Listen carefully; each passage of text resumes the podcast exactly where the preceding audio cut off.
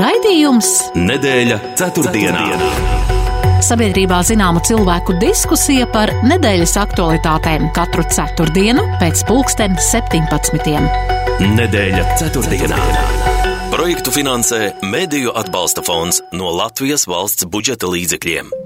Sveicināti kurzemes radio klausītāji! Jauna nedēļa, jauna ceturtdiena, jauni notikumi, jauni pavērsieni.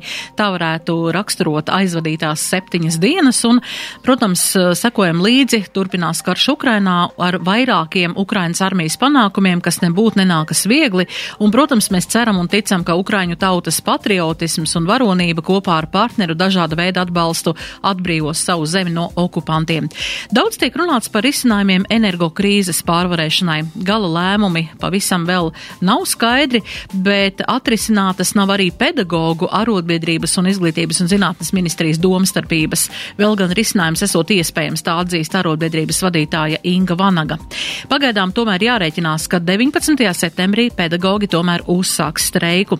Pie tam mediķu darbinieku arotbiedrība pēc pusotras nedēļas arī paziņos par plānotu streiku, jo sagaida no veselības ministrijas vēl pēdējās prasības izpildi, nodrošināt ārsti ārstiem un funkcionāliem speciālistiem algu vismaz 1862 eiro apmērā, ārstniecības un pacientu aprūpas personām ar, un funkcionālo speciālistu asistentiem vismaz 1117 eiro, bet ārstniecības un pacientu aprūpas atbalsta personālam vismaz 745 eiro.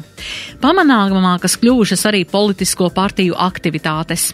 Ielās iziet politisko spēku pārstāvji, lai tieši uzrunātu potenciālos vēlētājus, tāpat arī mēdījos izskan debats debates ar deputātu kandidātiem un arī atsevišķu nozaru organizācijas aicina deputātu kandidātus debatēt par partiju programmās ierakstītajiem solījumiem. Protams, visā šajā procesā satraucošākais moments ir sabiedrības izrādītā vienaldzība vēlēšanu sakarā, lai arī tas parāda savu veidu protestu politisko procesu iesaistē.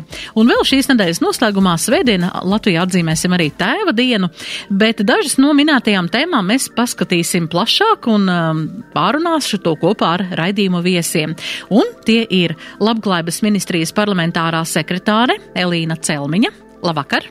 Jā, labvakar. Jūs man gan esat mainījuši amatu. Es esmu valsts sekretāra vietniece. Tas nav politiskais amats.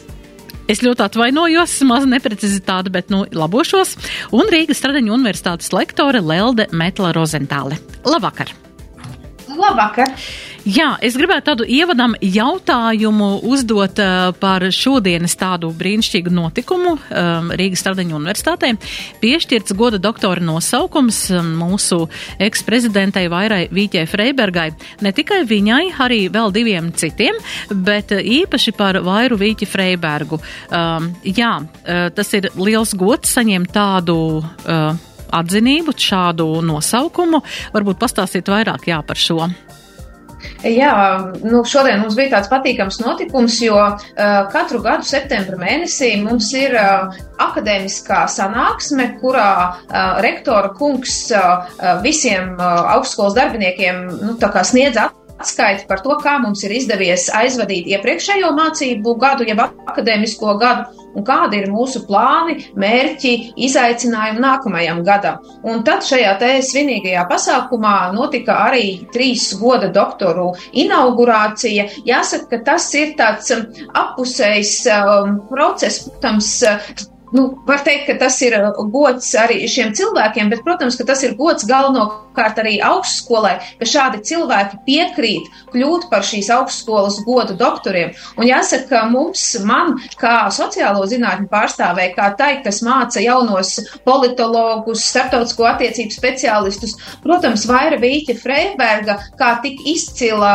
politiķe un tāda politiskā zvaigzne, es atļaušos teikt, protams, ir īpaši nozīmīgs, no, līdz ar to nozīmīgs notikums, jo mēs tiešām varam lepoties, ka mūsu augstskolā ir ne tikai daudzi atpazīstami medicīnas goda doktori, bet arī šāda te politiskā, uh, politiska persona, kas arī tagad ir mūsu augstskolas goda doktori. Un tas noteikti ir ļoti nozīmīgi gan mums darbiniekiem, gan arī topošajiem, topošajiem politikas studentiem.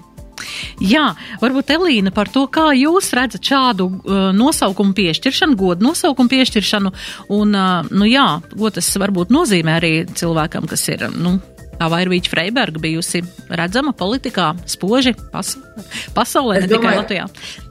es domāju, ka viennozīmīgi apusēji tas ir gan pagodinājums pašai universitātei, gan arī pašai personai, kura tiek izvirzīta un saņem šādu godpilnu titulu. Un tas vienlaiks arī piešķir tādu šī cilvēka snieguma nozīmīguma novērtēšanas rakursu arī pārējai sabiedrībai. Šāda status piešķiršana šajā gadījumā Freibergas kundzei arī pārējai sabiedrībai parāda, ka viņas ieguldījums un nopelni tiek ļoti augstu novērtēti. To, šādu notikumu nevar par zemu novērtēt viennozīmīgi. Jā, tiešām tas ir patīkami dzirdēt, ka mums ir šādi, šādi cilvēki un, un ir iespējas tādā veidā arī pagodināt viņu veikumu. Jā, bet, nu, turpinot par izglītību, mēs zinām, ka, nu jā, ir vairāk kārt, trīs reizes nākuši kopā uh, streika izlīkšanas komisijas un nekāds uh, īsts šis uh, vienošanās um, līdz galam nav notikuša, notik, notikusi un uh, Vārds sakot, 19. septembrī mums jārēķinās, ka varētu būt uh, pedagoģu streiks sākot no pirmsskolām, beidzot ar augstskolām. Um, kā jūs redzat šajā laikā? Uh, es esmu daudziem uh, cilvēkiem jautājusi, gan šeit studijas viesiem, gan arī, gan arī nu, ejot sabiedrībā, šajā laikā, kad ir tādi apstākļi un vēl um, streiks šajā mm, saspringtajā visā laikā, kad uh, cilvēkiem būs uh, mamām vai tētiem jāpaliek mājās ar bērndārs bērnu, bērndārs vecumu bērniem. Uh, vai šis ir piemērots laiks un uh, vai tiešām no jūsu skatu punktu skatoties, vai tiešām nav iespējams kaut kādā veidā vienoties, vai kā jūs to redzat? Sākšu ar jums, Elīna. Nu, tāds sarežģīts jautājums savā ziņā. No vienas puses, tās ir likumā nostiprinātas tiesības. Strādājošajiem ir tiesības savu viedokli paust arī streika veidā un nozara to šobrīd izmanto. Tas, ka nozara to izmanto, acīm redzot, liecina par to, ka kaut kāds sāpju slieksnis eh, vai pēdējais piliens ir sasniegts, eh, un viņi vēlas šavu, savu viedokli un prasības paust šādā veidā. Nu, tās sarunu kārtas eh, arī ir normāla prakse. Nu, atkarīgs, cik ātri izdodas vienoties par kādiem kompromisiem, cik tālu katra puse ir gatava piekāpties, vai tādi kompromisi ir rodami. Nenoliedzami šis laiks ir ārkārtīgi sarežģīts, lai eh, ietu pretī un eh, piedāvātu finansiāli ietilpīgus risinājumus. Jo, nu, jebkuras jaunas budžeta iniciatīvas, protams, kad ir jārod valsts budžetā, un mēs jau šobrīd zinām, ka uh, virkne jauno atbalstu pasākumu, par kuriem mēs acīm redzot raidījumā runāsim vēlāk, ir no līdzekļiem neparedzētiem gadījumiem, kas nozīmē, ka ja izglītības sektors vēlēsies atbalstīt skolotāju prasības, arī tam būs jāroda papildus budžeta līdzekļi, kurus šobrīd var rast nu, tikai pārdalot kaut ko esošu, kas nozīmē samazināt līdzekļus kaut kam, kam jau ir piešķirts, un tas noteikti būtu sāpīgi, jo tādu lieku resursu, lielu resursu jau nav. Eh, vai arī prasīt papildus līdzekļus neparedzētiem gadījumiem, kas savā ziņā nozīmē aizņemtu naudu. Līdz ar to tās sarunas nozarei ar skolotājiem ir ļoti, ļoti sarežģīts jautājums, eh, bet Lapēdas ministrijā eh, tajā nu, nav iesaistīti. Mēs neesam ne izglītības sektora regulējuma turētājs, ne arī partners šajās sarunās. Mēs varam tikai, nu, gadījumā, ja tas ir mūsu nozars streiks, tad mēs to risinam, ja tas ir izglītības nozars vai veselības nozars streiks, tad to risina pati nozare. Jā, Lelde, jā, jūs skatījums uz šo. Nu jā, protams, tuvojas vēlēšanas, un mēs zinām, ka priekšvēlēšanu gaisotnē gan daudzi politiķi ir gatavi solīt kaut ko varbūt vairāk nekā patiesībā vajadzētu un varēs, varēs izpildīt. Un, protams, ka līdz ar to arī nozares nu, ir gatavas prasīt, jo viņas zina, ka šis ir brīdis, kad ja tu atteiksi, tad tu izskatīsies slikti, un tad tev var kristies vēlētāju atbalstu atbalsts, un neviens politiskais spēks to negrib. Tātad šeit jau tā loģika, protams, no vienas puses ir skaidra. Bet uh, jautājums ir par tādu kopējo, nu, tādu solidāro attieksmi pret to, kāda vispār situācija šobrīd ir. Un uh, es domāju, ka ne tikai pedagogi varētu būt grūtā situācijā. Grūtā situācijā ir arī uh, pensionāri, tie, kas iedomājas, kāda būs apkuras rēķini tuvākajā laikā. Uh, grūtā situācijā ir uh, arī daļa vēl aizvien veselības aprūpes darbinieku, un te mēs varētu saukt un saukt īpaši valsts sektorā nodarbinātos. Tā ir iekšlietu sistēma, kurā arī ir policisti, robežsargi un tā tālāk. Un jautājums ir par to, ja mēs tagad visi pirms vēlēšanām šajā gaisotnē metīsimies uh, pieteikt streikus, zinot to, ka nu, ziema būs smaga. Un uh, nu, līdzekļi jau tā nepietiks daudz kam. Uh, vai šis ir tas brīdis, kad tiešām ir jāiet uz tik ļoti radikālu konfrontāciju? Iespējams, ka ir kaut kādi jautājumi, ko var, ko, nu, jeb lietas, ko var paprasīt un ko var arī sagaidīt no politiķiem. Eh, bet šajā brīdī nostāties ar tik ļoti tādu radikālu ultimātu pie tā visa. Ja tomēr mēs cenšamies pieturēties pie šiem te labas pārvaldības principiem un eh, teikt, ka uh, nedrīkst šobrīd apsolīt šī saima to, ko viņa pati nepildīs, un naudu, ko viņa pati pēc tam viņai nebūs jādomā, kur viņu dabūt. Jo faktiski jau pasolīt šobrīd un kaut kur ierakstīt, nu, to var izdarīt. Mm, to varētu izdarīt. Bet cik tas būtu uh, nu, godīgi, cik tas būtu atbildīgi pēc tam, kad. Uh, kad uh, teiksim, nākamais parlaments un nākamā valdība uh, nu, saskarsies ar šo solījumu, bet izrādīsies, ka priekšā naudas nav, vai arī nauda ir tik, cik viņa ir maciņā, Nu, un tad sanāks, ka kā jūs tā varējāt, kā jūs tā melojāt, nu, kā jūs tā solījāt to, ko jūs nevarat izpildīt. Ja, bet nu, tad, tad ir jautājums, ko mēs gribam, vai šo te eh, kā var nesolīt principu, lai mums apsola, eh, vai mēs gribam godīgu sarunu. Un tāpēc šeit man rodas tāda sajūta vienā brīdī, ka tā streika prasība tur nevar vispār līdz galam izveidoties dialogs, jo viņa, uh, viņa ir tāda, kur pretējā puse jau a priori ir zināms, ka nevar atbildēt, jā, mēs jums, nu, ja grib būt godīgs, negodīgi varbūt varētu apsolīt, bet godīgi nevar. Un tad ir jautājums, nu, kā no šīs situācijas iziet. Tad faktiski nu, nav gandrīz nemaz izējas no viņas. Un tāpēc nu, ir nedaudz mulsinoši. Es, es teiktu, ka šo aktivitāti tiešām varēja sākt izvērst pēc vēlēšanām. Tad sāk prasīt, tad, kad ir jaunā, mm, teiksim, jaunais parlaments, jaunā valdība, lūdzu, neaizmirstiet par skolotājiem. Mēs piesakām savas, savu, savus tiesības un sakam, ka mēs gribam, lai par mums parūpējas tad soli pa solim šo jautājumu risināt. Bet eh, šai brīdī, nu, es domāju, ka tas īsti līdz galam korekti nav. Un tāpēc mēs arī redzam pedagoģu vidū, ka ir ļoti dalītas emocijas. Pirmkārt, jau no, pirmkārt apzinoties to, ka tas. Uh, šis laiks, kad streiko cilvēki nav atalgots, un līdz ar to Pirmkārt, esošajā ekonomiskajā situācijā vasara skolai bērni ir sagatavoti, pedagogiem arī ir bērni, viņi ir naudiņu iztērējuši, tūlīt sāksies apkurss sezona. Ir zināms, principā viena daļa cilvēku vienkārši nu, ir tādās gandrīz vai ekonomiskā bezizējas situācijā, tie, kas uh, ir pedagogi. Un otra puse vēl ir tie, kas saka, es patiesībā streiku neatbalstu vienu daļu jauno pedagogu, ar ko es esmu runājusi, bet es tikai neteikšu to skaļi, lai mani vecie pedagogi neapvēr bērnu skolā. Jo, jo nu, tur ir, saku, ir ļoti dažādas tās pozīcijas. Un tāpēc es domāju, ka mums vajadzētu visām tomēr nozarēm būt nedaudz savstarpēji solidārām un saprast, ka nu, kaut kā mēģinām varbūt ne tik radikāli, bet vairāk iet uz to sarunu. Jā, mēs tagad aiziesim mazā reklāmas pauzītē un tad turpināsim. Nedēļa ceturtdienā. ceturtdienā. Vārdu spēle, vārdu spēle, vārdu spēles man uz mēles. Alfa, beta, ducis. ducis. Met vārdus dučos neapjucis, ķer burtus, vārdus kopā liec. Alfa, beta, duci - 12 metamo kauliņu spēli ar labāko iespējamo burtu sadarību latviešu valodā atradīsi grāmatnīcās Jānis Roza.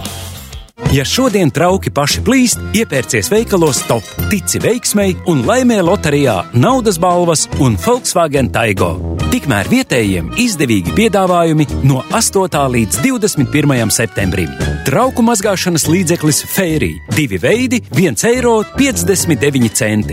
un papīra dvieļi tip top, viens rullis, 2,69 eiro. Loterijas atļaujas numurs 7366. Top, top, top! Uzmanību, uzmanību! Vienas svarīgākais notikums! Balso par mums, jo mēs dosim! Izvēlies mūs! Mēs dosim vairāk! Stop! Nu tas nav izturams! Izvēlies mani! Es, Virpuļs, pievilcīgais, amalīgais, strādāju bez atpūtas, bet daru to ar garantiju, stāvot klusi, klusi. Tikai septembrī PTA Dabģi 3A pērc Virpuļu leduskapu vai saldētavu un dāvanā saņem sildītāju. PTA Dabģi 3A www.pta.lv Sabiedrībā zināma cilvēku diskusija par nedēļas aktualitātēm. Nedēļa ceturtdienā. ceturtdienā. Turpinām raidījumu nedēļu ceturtdienām, un šodien studijas viešņas ir Lelde Metla Rozentāli un Elīna Celmiņa. Jā, runājam par šo streiku no pedagoģu puses un uh, arotbiedrību ministrija tātad savā starpā, bet ir arī vecāku puse, protams, un, protams, arī pašu skolēnu puse, jo vairāk vai mazāk skolēni zaudēs šo, šo laiku, kas ir tā kā pieteikts beztermiņa, bet ir tāda ziņa, ka Rīgas skolēnu un bērnu dārznieku vecākus aicina rēķināties ar vajadzību streika nedēļā pašiem pieskatīt bērnus. Tātad uh, jau um, mācību iestādes, izglītības iestādes gatavojas šim streikam. Uh, Kā vecāki, varbūt, jā, varbūt um, pajautāšu Elīnu jums, uh, vecāku šis te, um, vecākiem jārisina šis jautājums būs, ko ar bērniem, kā, kā viņus nodarbināt, kā nedarbosies jau reāli šīs uh, mācību stundas un nekas tāds nenotiks.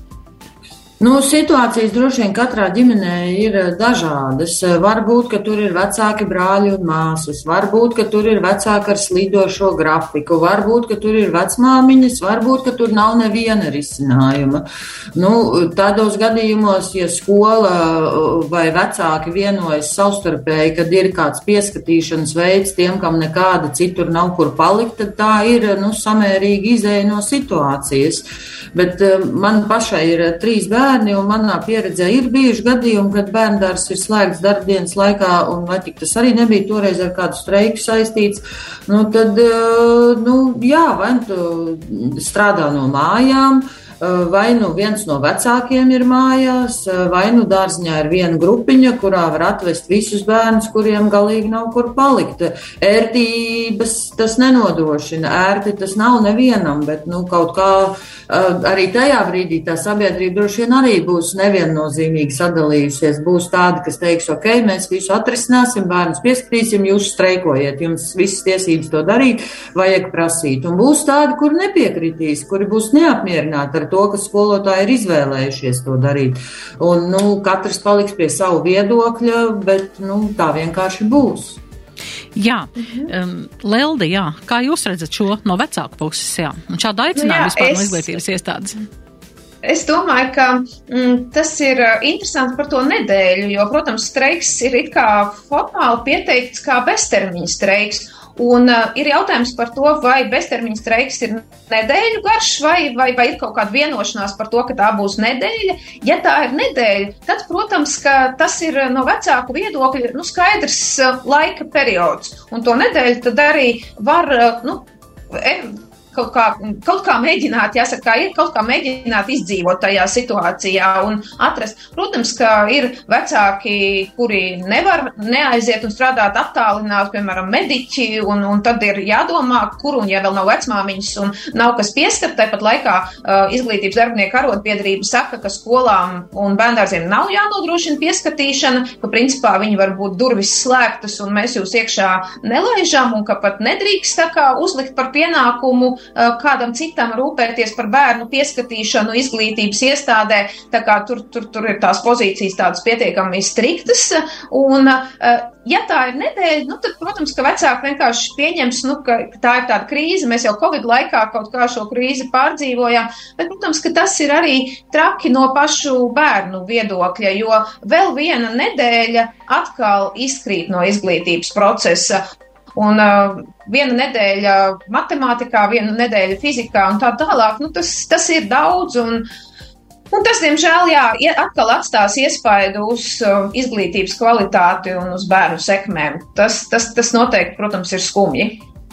Jā, nu skatīsimies līdzi, sakiet, vai arī Rīgas Stradiņa universitātē ir um, gatavi kādi vai ir zināms uh, iesaistīties šajā streikā, vai ir jau zināms, vai vēl par to nerunā vispār? Nu, mēs par to nerunājam, neesam runājuši tādā oficiālā līmenī, tāpēc es nevaru teikt, katrā gadījumā mūs tāda informācija nav sasniegusi. Un tā kā uh, vismaz mūsu politikas, jeb to sociālo zinātņu bloks uh, ir uh, finansēts no studentu līdzekļiem, proti mums faktiski nav budžeta vietu, mums visas ir pārsvarā maksas studijas, līdz ar to mēs viennozīmīgi pārunājot ar kolēģiem zinām, ka mēs nestreikosim, jo nu, tas, tas būtu pavisam nekorekti. Lai gan, protams, mēs esam valsts iestāde tieši tāpat kā citas augsts, valsts augstskolas skolas, bet eh, ņemot vērā to, ka jā, studenti mums vēl pa, tieši par to maksā, mēs esam nolēmuši studiju procesu turpināt. Jā. Eh, runājot jā, par valsts augstskolām, tad eh, pāriesim tā līgani uz nākamo tematu, un tas ir par, eh, par energoresursu krīzes pārvarēšanu. Un mēs zinām, ka Universitāšu asociācija arī lūdz valsts atbalstu, lai varētu šo krīzi pārvarēt, un arī paredzot dažādus ilgtermiņu un īstermiņu pasākums ieviest, lai taupītu elektrību un taupītu arī siltumu, bet arī iekšliet resurs. Mēs esam dzirdējuši jau šo, kad um, iekšliet iekšlietu ministrs Kristaps Eklons ir jau izteicies, ka oktobrī šis resurs nespēs apmaksāt palielinātos elektrības rēķinus. Un man piesaistīja uzmanību viens, viens viņa teiktais. Viņš norāda, ka um, Esot divi varianti, vai nu finansējumu pārdalīt no iekšlietu dienestiem paredzētā aprīkojuma, vai arī doties pie finanšu ministra Jāņa Reira un lūgt piešķirt papildus naudu. Un te viņš saka, ka daudz ir šie, uh, kur aprīkojums ir novecojis un, un šīs ēkas nav energo uh, tādas, nu, uh, taupīgas un, un visādā veidā, bet kur lai cilvēks, uh, iedzīvotājs šodien, viņam ir divi varianti, vai nu ietaupīt uz, uz izdevumiem, vai iet pie finanšu ministra, bet mums iedzīvotājiem nav tādu finanšu ministru, kur mēs varētu aiziet un pateikt, nu, mums vajadzētu kaut ko. Jā, varbūt par to. Um, šie te taupības pasākumi gan varbūt sākumā uzņēmumiem, un pēc tam parunāsim par to par iedzīvotājiem.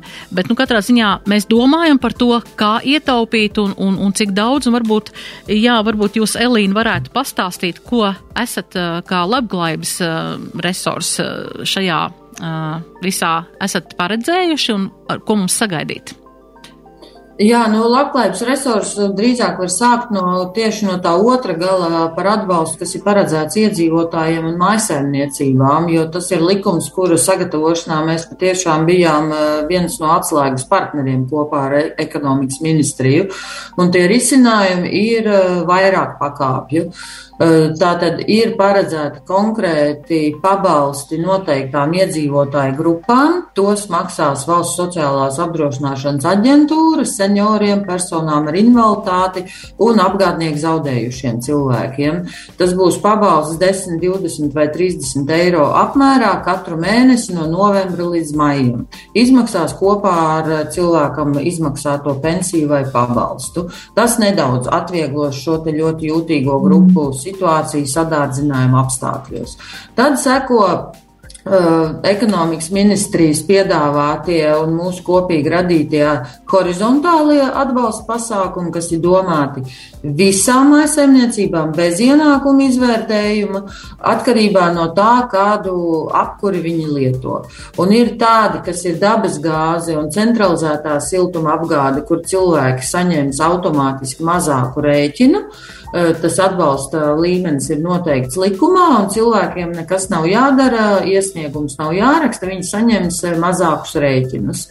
Un ir tādi, kur cilvēkam būs jāiesniedz iesniegums, un tā ir granulu, brikešu, malkas apkures, uh, un arī elektroenerģijas, eh, ko izmanto apkurei gadījumi. Eh, šeit cilvēkam būs jāiesniedz iesniegums, to varēs izdarīt sākot no 1. oktobra, jo šobrīd eh, likumu pieņem tikai augusta vidū, Un uh, tagad līdz 1. oktobrim mums ir jārada šis pieteikšanās mehānisms ar visiem tiem parametriem, kas var iesniegt, kā var iesniegt, kādas ir šīs zemākās un augstākās robežas, aprēķina vērtības, pārreikins, citur ir bērkubikmetri, citur ir tonnas, citur ir megavatstundas un kilovatstundas. Tas viss ir šajā IT rīkā jāie, jāieliek iekšā. Un, lai cilvēkam nebūtu jāiet klātienē, vēlams, lai tas ir viss iespējami ērti izdarāms elektroniski, kad nu vien cilvēks to spēj. Tie, kas nevarēs elektroniski, tie varēs arī doties klātienē. Un pašvaldībām arī ir jāsagatavojas šo iesniegumu pieņemšanai. Tāpēc tas ir 1. oktobris. Bet visiem atbalsta veidiem Eh, tas eh, atbalsts ir domāts apkurss sezonai no oktobra līdz eh, aprīļa beigām, bet mēs zinām, ka malku un granulas un brikets varēja pirkt jau vasarā, un cilvēki pērk apkurē, nepieciešamās lietas jau vasarā, tāpēc viņi varēs arī iesniegt no 1. oktobra dokumentus, kas apliecina, ka viņš ir pircis noteiktu tonu daudzumu jau jūlija mēnesī, un saņemt atpakaļ noteiktu kompensāciju par izdevumiem, eh, par, no, par briketēm, granulām vai malku. Ir arī atbalsts tiem cilvēkiem, kuri ir pirkuši malku un nav saglabājuši maksājumu dokumentu. Eh, tad cilvēkam pašam būs jāapliecina, ka viņš ir iegādājies, ka viņam ir malkas apkure un ka viņš ir iegādājies malku un viņam nav šī maksājuma dokumenta. Tādu iesniegumu varēs iesniegt no 1. oktobra līdz novembra beigām, un tas būs vienreizējs pabalsts 60 eiro apmērā, un cilvēkam nav liektas tiesības pretendēt turpmāk uz to atbalstu, kas tiek eh, maksāts ar eh, maksājumu dokumentiem. Respektīvi, nākamo reizi, kad viņš pirks eh, nākamo malkas kravu līdz pat aprīļa beigām, viņam būs tiesības ar čeku saņemt arī kompensāciju par to iegādāto malku. Un tad, ja arī ar šiem atbalsta mehānismiem nav pietiekami, tad cilvēkam jebkurā gadījumā saglabājas tiesības vērsties sociālajā dienestā ar lūgumu izskatīt iespēju piešķirt mājokļu pabalstu. Mājokļu pabalstā sākot no oktobra eh, cilvēkam tiks eh, piemērots augstāks slieksnis nekā tas bija līdz šim. Un augstāks slieksnis nozīmē to, ka formulā, kā rēķina mājokļu pabalstu, ir paredzēta lielāka summa, kurai būtu jāpaliek cilvēka rīcībā pēc tam, ka viņš ir samaksājis mājokļa izdevumus. Un tā summa būs eh, no 1. oktobra palielināta līdz 327 eiro pirmajai personai maisaimniecībā un 228 eiro pārējām personām. Tātad, ja viņa ienākumi ir tik mazi, ka pēc mājokļu izdevuma apmaksas viņa rīcībā nepaliek šāda summa, tad viņam būs tiesības uz mājokļu pabalstu. Nu, sociālie dienesti un pašvaldības iestādes, kam to ir uzticēts administrēt, šobrīd uh, gatavojas, uh, veido savas iekšējās procedūras un norīko cilvēkus, kas to darīs. Mēs savstarpēji ļoti cieši sadarbojamies, lai sagatavotu visu to pieteikšanās procedūru un instrumentus.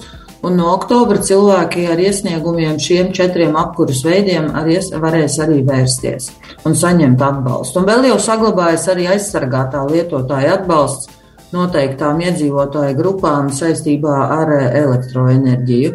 Tā kā tie atbalsta veidi kombinējas no vairākiem atbalsta mehānismiem, kas no kurai maisaimniecībai atkarībā no tās sastāva, ienākumiem un apkuras veida sanāk kā piemērojams un ir nepieciešams.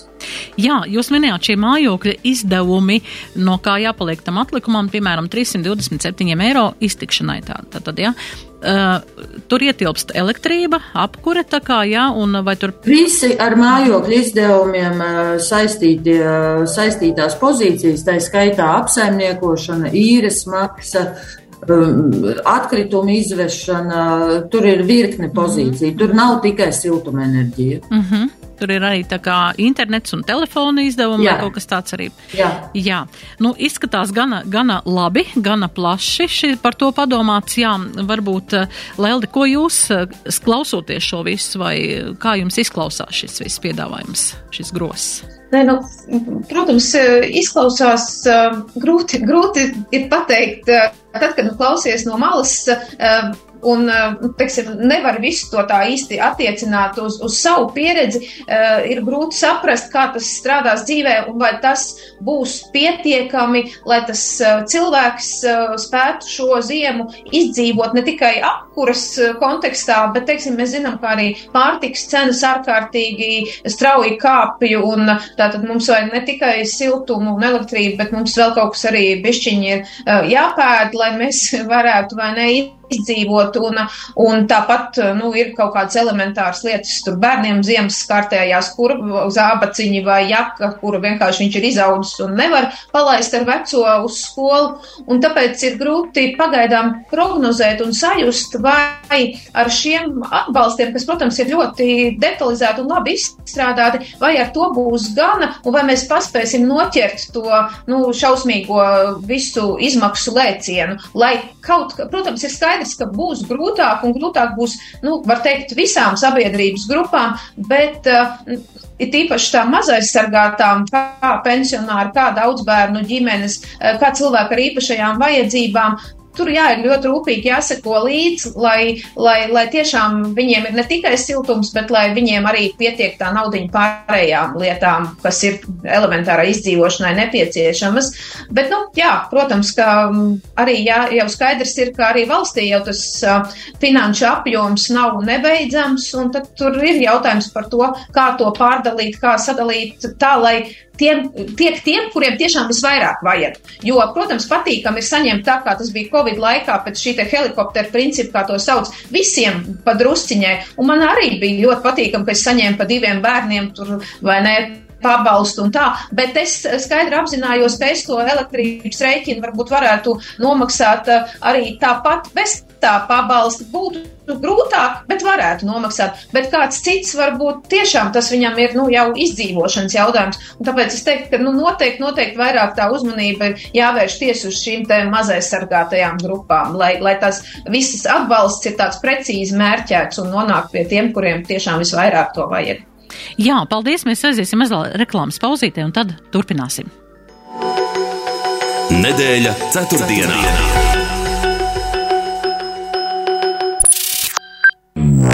Grupā Labvēlīgais tips ielūdz jūs uz savas jubilejas koncerta sērijas Man jau 30. otro rudens metienu. 11. septembrī Rēzeknē, Latgals vēstniecībā Gors, 17.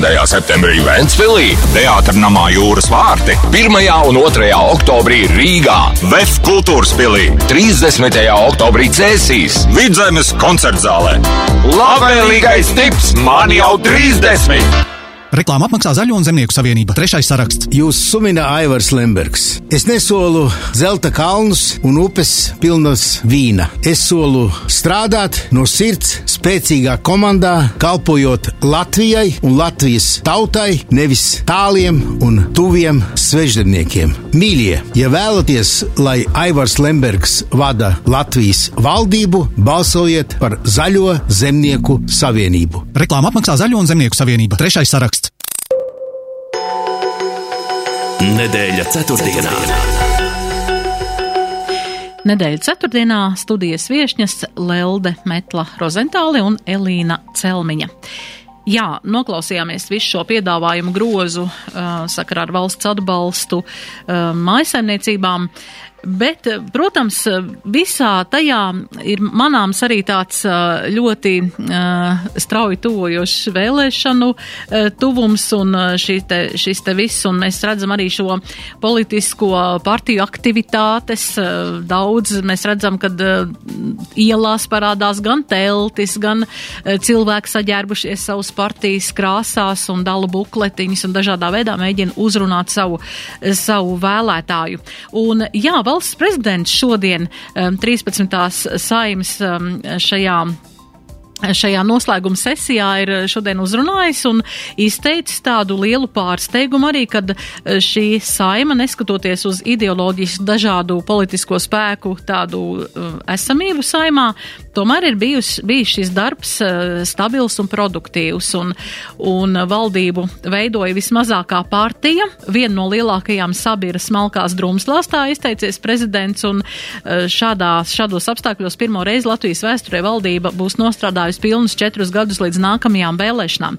Jā, varbūt iesākumā, kā jūs vērtējat esošās, um, nu jā, esošo um, ievēlēto deputātu darbu, uh, neskatoties um, uz to, kā mūs mētāja gan šis te Covid uh, viss periods un, un arī karš Ukrainā savus korekcijas ir ievies. Kā jūs vērtējat, jā, darbu, saim, mm -hmm. saimas valdības darbu kopā? Jā, sākšu ar jums, Lelde. Uh, nu jā, saimnes un valdības laikam ir divi dažādi jā, lauciņi, jā. par kuriem varētu runāt atsevišķi, jo mēs zinām, ka šī saima tap slavena ar to, ka tajā tika ievēlēts ļoti liels skaits līdz šim politikā absolūti nepieredzējuši cilvēki. Un uh, jāsaka, ka sākumā viegli negāja, jo gana daudziem bija jāiemācās un jāsaprot, kas vispār ir darbs saimā, un dažkārt mums no malas liekas, ka tas ir kaut kas viens un ka mēs jau visu tur varētu un ko viņi vispār tur dara. Un tad izrādās, ka viņi tur tomēr dara un, um, un nu, ir, nav tik vienkārši. Uh, bet, protams, ka ir jāsaprot, ka nu, šo, šo laiku pavadīja, kā jau jūs minējāt, ļoti daudz izaicinājumu. Eh, tas bija, ja mēs jau pavisam atskatāmies uz šīs saimnes darba sākuma periodu, tad tā bija tā sauktā finanšu sektora eh, re, reorganizācija vai atcerieties, tur ir stāsts par eh, ABLV bankas likvidāciju un vispār šo te nerezidenta finansējumu caurskatīšanu, cik viņš ir likumisks un pierādāms un tā tālāk. Pēc tam, protams, ka nākamais izaicinājums bija milzīgais periods ar Covid, kas, nu, kas savukārt bija tāds izaicinājums, ar ko neviens ne tikai Latvijā nebija saskāries, bet nekur pasaulē. Un līdz ar to tā bija absolūti jaunas prakses apgūšana arī parlamentam, piemēram, kā strādāt attālinātā režīmā.